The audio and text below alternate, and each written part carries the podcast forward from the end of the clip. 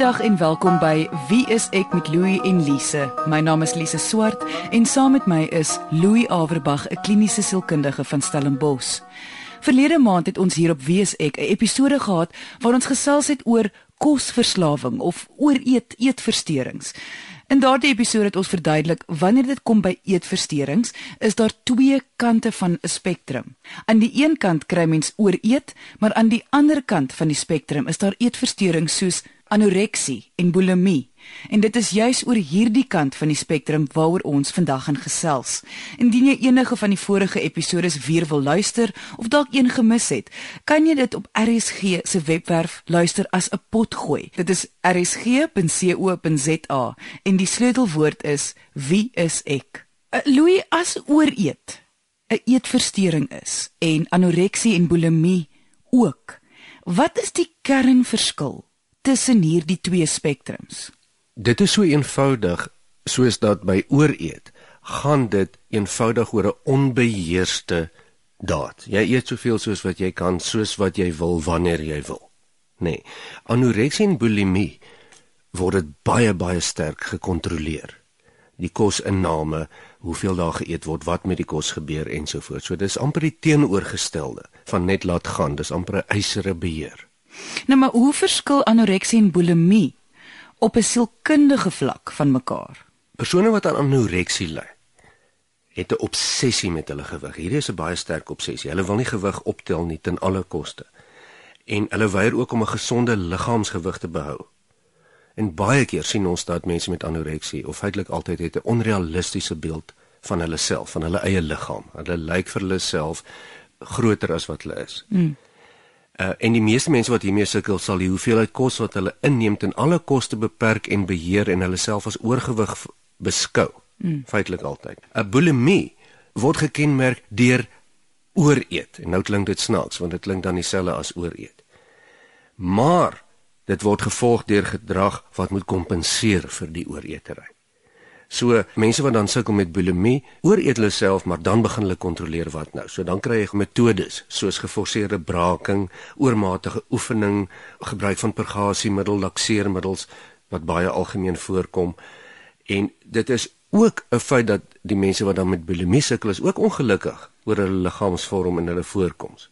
En baie van hierdie gedrag wat dan die kos beheer nadat dit geëet word, gebeur in die geheim. Niemand sien wat dan gebeur nie. Daar is baie mense wat glo wanneer dit kom by spesifiek anoreksie en bulimie is dit byvoorbeeld die ouers se skuld of die media se skuld. Ek het selfs nou reg gehoor hoe iemand sê dit is as dit by vrouens kom, man se skuld dat dat hulle hierdie toestande ontwikkel. As jy sê dat uh, anoreksie spesifiek te doen met gewig, kan mens dit dan koppel aan iets soos dan spesifiek die media?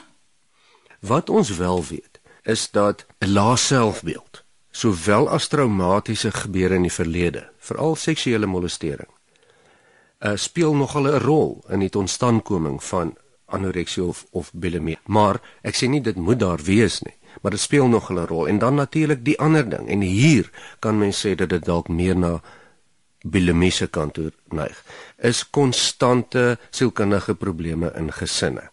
En al hierdie moontlike oorsake, tesame natuurlik met genetiese faktore en chemiese faktore, speel 'n rol en word dan ook in die media. En hier kom 'n ander faktor wat 'n rol speel. Televisie, films, tydskrifte.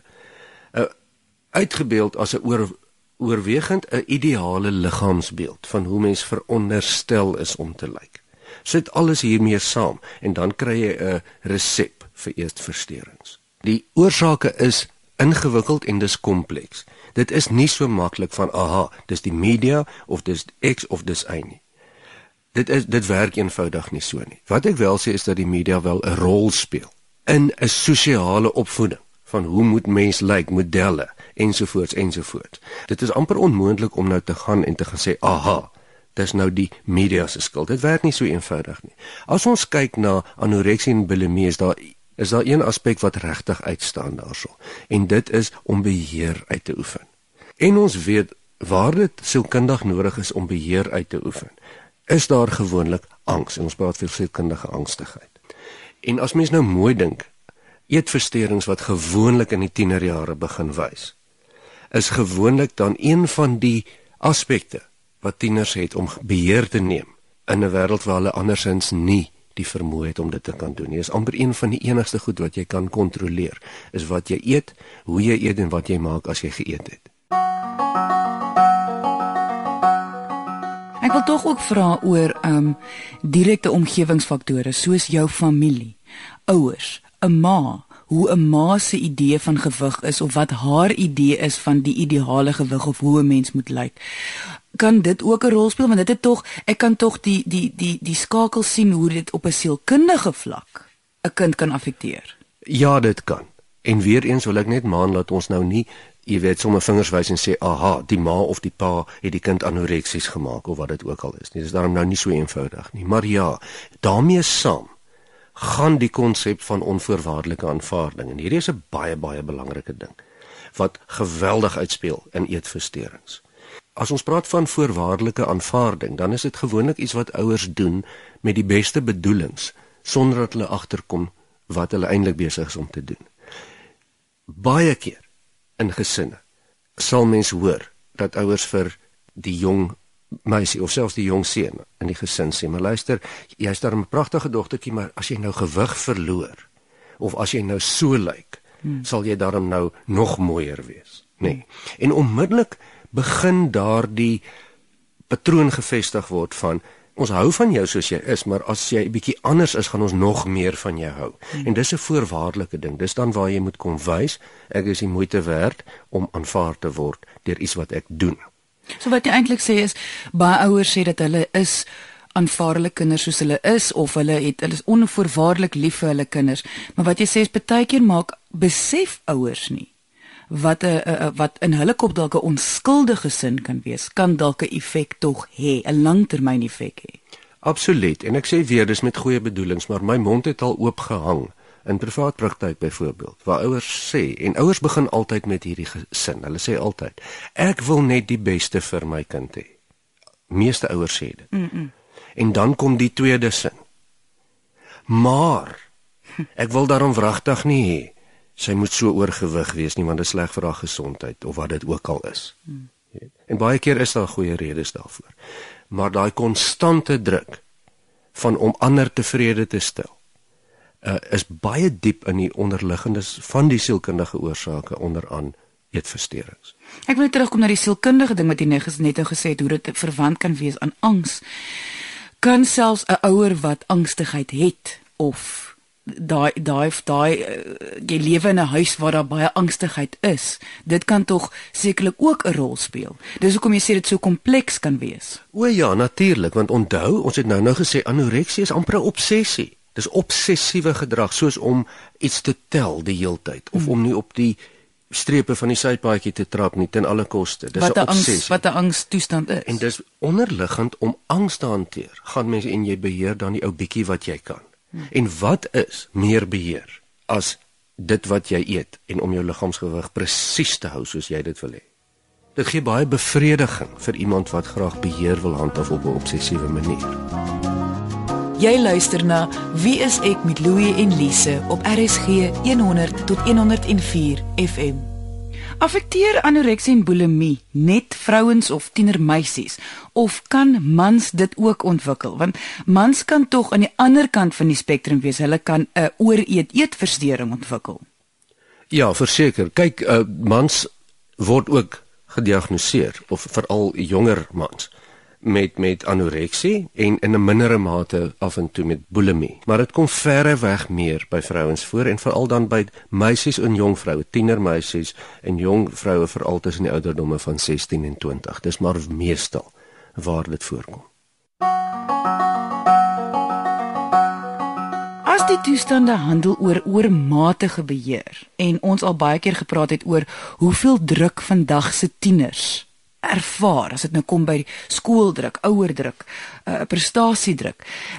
Kan 'n mens 'n skakel maak met daai ook? Ek weet ek gaan nou die hele tyd terug na die oorsaak, maar ek dink ek wil graag al die aspekte tog bespreek hiervan. So so omdat eetversteurings besig is om toe te neem. Ja, ek dink mens kan die skakels definitief maak. Ongelukkig is dit so. My persoonlike mening is dat eetversteurings 'n simptoom is van wat in die samelewing gebeur. Dit is 'n simptoom van 'n angstige samelewing as mens mooi daaraan dink. En wat veroorsaak hierdie angstige samelewing onder andere 'n prestasiedruk?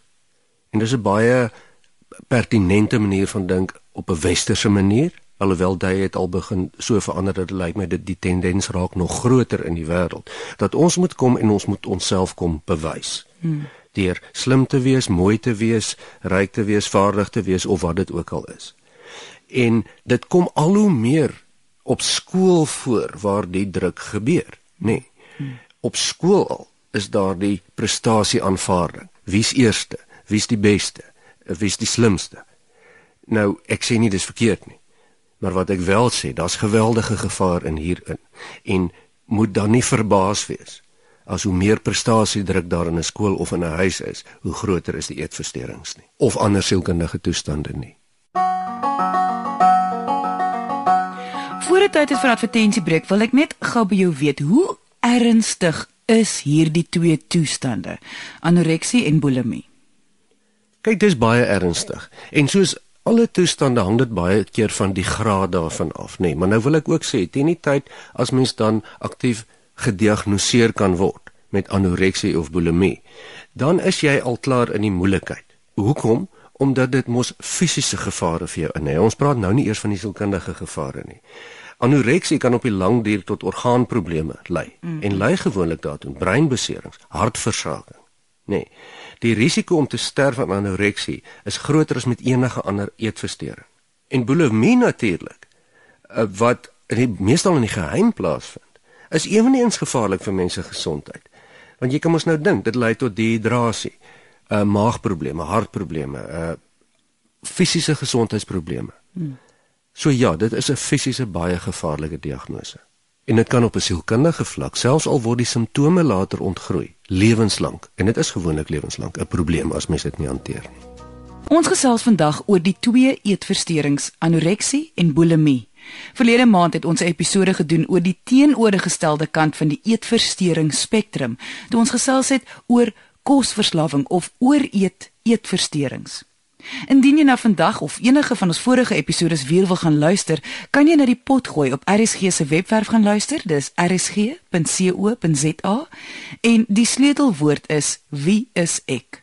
Louis, voor die advertensiebreek het ek jou gevra hoe ernstig is die twee eetversteurings, anoreksie en bulimie?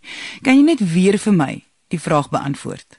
Dit is baie ernstig omdat die fisiese gevaar hiervan bo op die sielkundige gevaar regtig pertinent is in terme van wat jou liggaam ervaar weens die gedrag wat daarmee gepaard gaan. Ons praat van ernstige orgaan en dehydrasie probleme. Net dit lei baie keer tot sterftes, veral in die geval van anoreksie. Mm. En ons het gesê dat anoreksie en bulimie is al die teenoorstelle van ooreet. Dit is waar mens eisere beheer neem oor of of jy eet en dan as jy dan eet, wat maak jy dan nadat jy geëet het, nê? Nee. Dis amper obsessie. Dit is asof mense probeer uh, uh as jy nou sê beheer, ek dink uh, net vir ons luisteraars te verduidelik. Dis asof die persoon, jy kan nou dink, jy wil beheer hê. Jy het dit nodig in jou lewe. Nou veg jy met jou kos. Waar kan jy meer beheer kry? Deur jou lyf te keer om kos te kry. Ons almal weet hoe dit voel om regtig honger te wees, om regtig nou jy wil dit nou eet. Maar om daai beheer uit te oefen oor jouself, oor jou fisiese biologiese lyf. Jy is in beheer daarvan. Dis waarvan jy praat. Jy jy slaan dit op die kop. Dit raak 'n prestasie. Mm. Dit raak 'n prestasie om letterlik net daai ou klein ietsie te eet of amper niks te eet nie. Iets wat bitter min ander mense kan regkry. Dis iets waaroor mense dan heimlik trots is. As dit dan so ernstig is, hoe of waar het dinge begin verkeerd gaan dat die syfers nog steeds besig is om toe te neem onder tieners en selfs volwassenes? Ek aanvaar die syfers neem toe omdat lewend druk toeneem. Daar is meer verwagtinge in korter tyd op alle mense in die wêreld, nê? Vinniger prestasie in 'n korter tyd, die druk van die lewe. Nou goed, druk is deel van die lewe. Dis nie noodwendig 'n probleem nie, maar ek voel dat ons oor die algemeen toenemend onder onrealistiese druk verkeer. Ons as mense is nie gemaak om so prestasie georiënteerd te wees dag in en dag uit nie, soos wat die samelewing al hoe meer word nie. En dit is hoekom die syfers toeneem, want mense kry dan toenemend meer metodes om hulle angs te beheer wat gepaard gaan met prestasiedruk. O, so wat jy sê is as gevolg van die druk dan voel 'n mens meer angstig, wat voel jy voel meer buite beheer. So jy probeer enigiets om eers beheer te kry. Dit natuurlik verklaar ook goed soos 'n uh, obsessiewe gedrag of ehm um, soos mens baie programme sien oor 'n uh, hoarding, opgaring. Uh, mense wat uh, goed deel opgaar in hulle huis en so wat alles te doen het met angs. So dit, dit kom op dieselfde ding neer.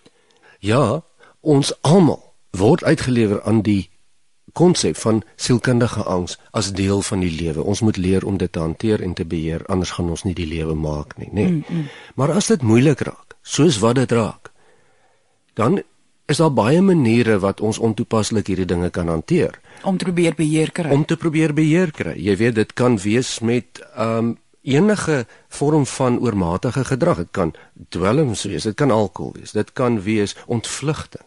Dit kan wees in baie gevalle kan dit obsessies wees, nê? Nee, waar mense obsessiewe versteurings ontwikkel om hulle angstigheid te probeer beheer. Party mense doen dit met kos. Hmm. En party mense doen dit deur te ooreet. Ander mense doen dit deur soveel beheer oor daardie kos en inname te behou as wat hulle kan. Wanneer dit by tieners kom, Waarvoor moet ouers uitkyk? Met ander woorde tekens wat dalk kan wys hul kind het of bulimie of anoreksie. As ons kyk na anoreksie, dan kyk ons na sommer iets wat jy kan meet en ons praat van 'n liggaamsgewig wat konstant minder as omtrent 85% van 'n verwagte liggaamsmassa vir lengte en ouderdom wees. Jy weet nou moet mens daarom nou mooi regverdig wees, kyk na jou lengte, kyk na jou ouderdom, maar min of meer as mens in plain taal kan sê as jy hopeloos te maar is. Mm. En daarmee saam 'n intense vrees om om vet te wees of om oorgewig te wees. Selfs as die persoon of ondergewig is en dit is duidelik dat almal kan sien dis ondergewig, nê. Nee. Die onrealistiese liggaamsbeeld wat hiermee gepaard gaan. Met ander woorde, broers, susters, neefs, niggies, alle vriende sê jy jy's gans en altemar. Maar die persoon sê self nee wat ek lyk fantasties, nê. Nee. Oormatige klem op die liggaamsgrootte en die bou van die selfbeeld. As ek net nog 'n halwe kilogram kan verloor, dan gaan ek nog beter voel. En hiermee saam ontken dan die erns van ondervoeding. Jy weet, jy maar jy kan mos nie so min eet nie. En dan sal die persoon sê nee, maar ek voel eintlik heeltemal goed. Maar deel van die goed waarvoor mens dan moet uitkyk is die geassosieerde fisiese siektes wat saam met verhongering plaasvind. Veral in die geval van jong vroue en en tienermeisies, menstruasie wat stop en wat dan slegs uh, weer plaasvind as daar estrogen toegedien word. Dis 'n gevaarlike teken. As mens na bulimie kyk, dan praat jy van herhaalde ooreet sessies wat moet plaasvind. So daar daar is altyd ooreet ook, nê? Baie belangrik is dat hierdie ooreet sessies gewoonlik privaat gebeur. Met ander woorde, iemand sal letterlik in die kamer of waar ander mense nie kan sien nie, baie meer inneem in dieselfde tyd as wat iemand anders sal inneem. Met ander woorde sommer in 10 minute 2 3 borde kos eet. Kyk, ek probeer nou dink hoe hulle ouer nou dit raak sien. Ek neem aan mens moet kyk vir die kind eet nie so baie saam met die familie nie, maar daar is tog kos wat verdwyn die hele tyd. Duidelik is die kind besig om iets erns te vat en alleen te gaan eet. Wel, dis moeilik om te sien want dit gebeur in privaatheid. En nou saam met hierdie geëetry, is daar altyd hierdie gevoel van van verlies aan beheer van die persoon wat eet. So jy's besig om te ooreet en jy kom agter o genade, ek kan nie hieroor beheer hou nie en daarna word dan van die kos ontslaag geraak deur deur gewoonlik deur braking.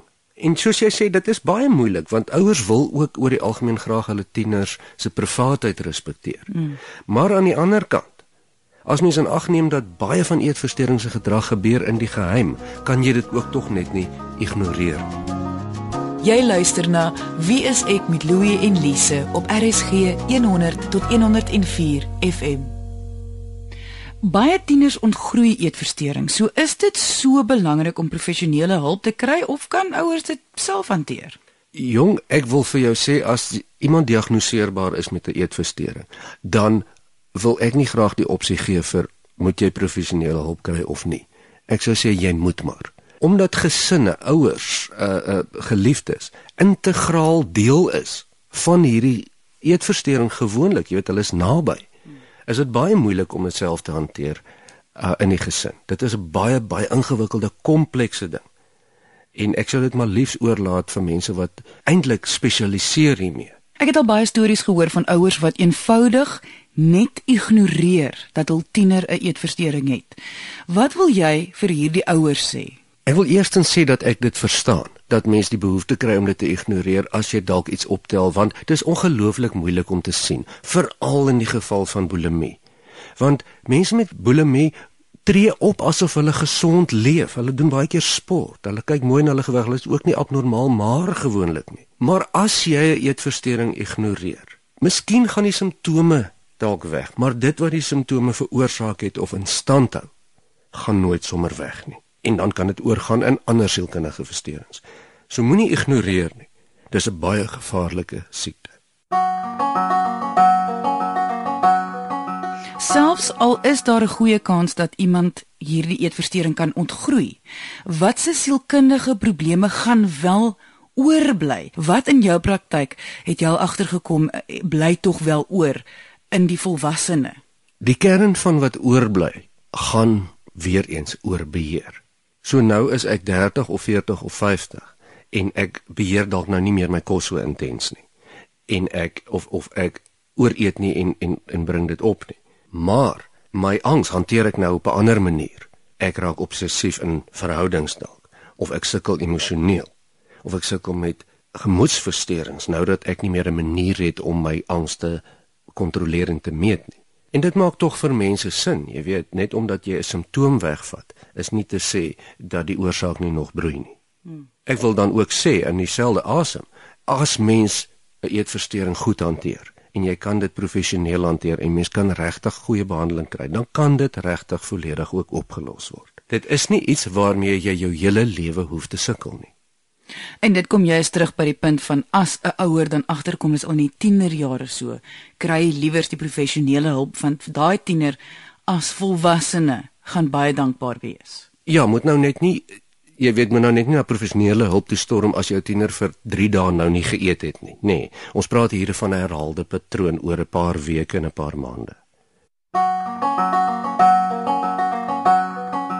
Ons het vandag gekyk na eetversteurings na die een spektrum, anoreksie en bulimie, wat gaan oor beheer van kosinname wat gepaard gaan met onrealistiese liggaamspersepsie, wat gepaard gaan met eisere beheer oor kos, wat fisies baie gevaarlik is dit bring fisies baie mediese probleme in en sielkundig is dit natuurlik 'n baie gevaarlike proses omdat mense dit baie vinnig in 'n gewoonte kan ontwikkel en dis moeilik om aan te spreek. Eetversteuring sê ons is nie iets wat jy kan los as jy dit agterkom nie. En nou alhoewel mens soms gelukkig is dat die simptome ontgroei, bly die sielkundige oorsake nog steeds daar wat weer gaan kop uitsteek, miskien net op 'n ander manier. So die persone wat vandag na ons uitsending luister, wat sukkel met eetversteurings, anoreksie en bulimie spesifiek, gaan tog nie reageer op ons advies vandag nie, want jy is mos dan nou gelukkig met jou liggaamsgewig.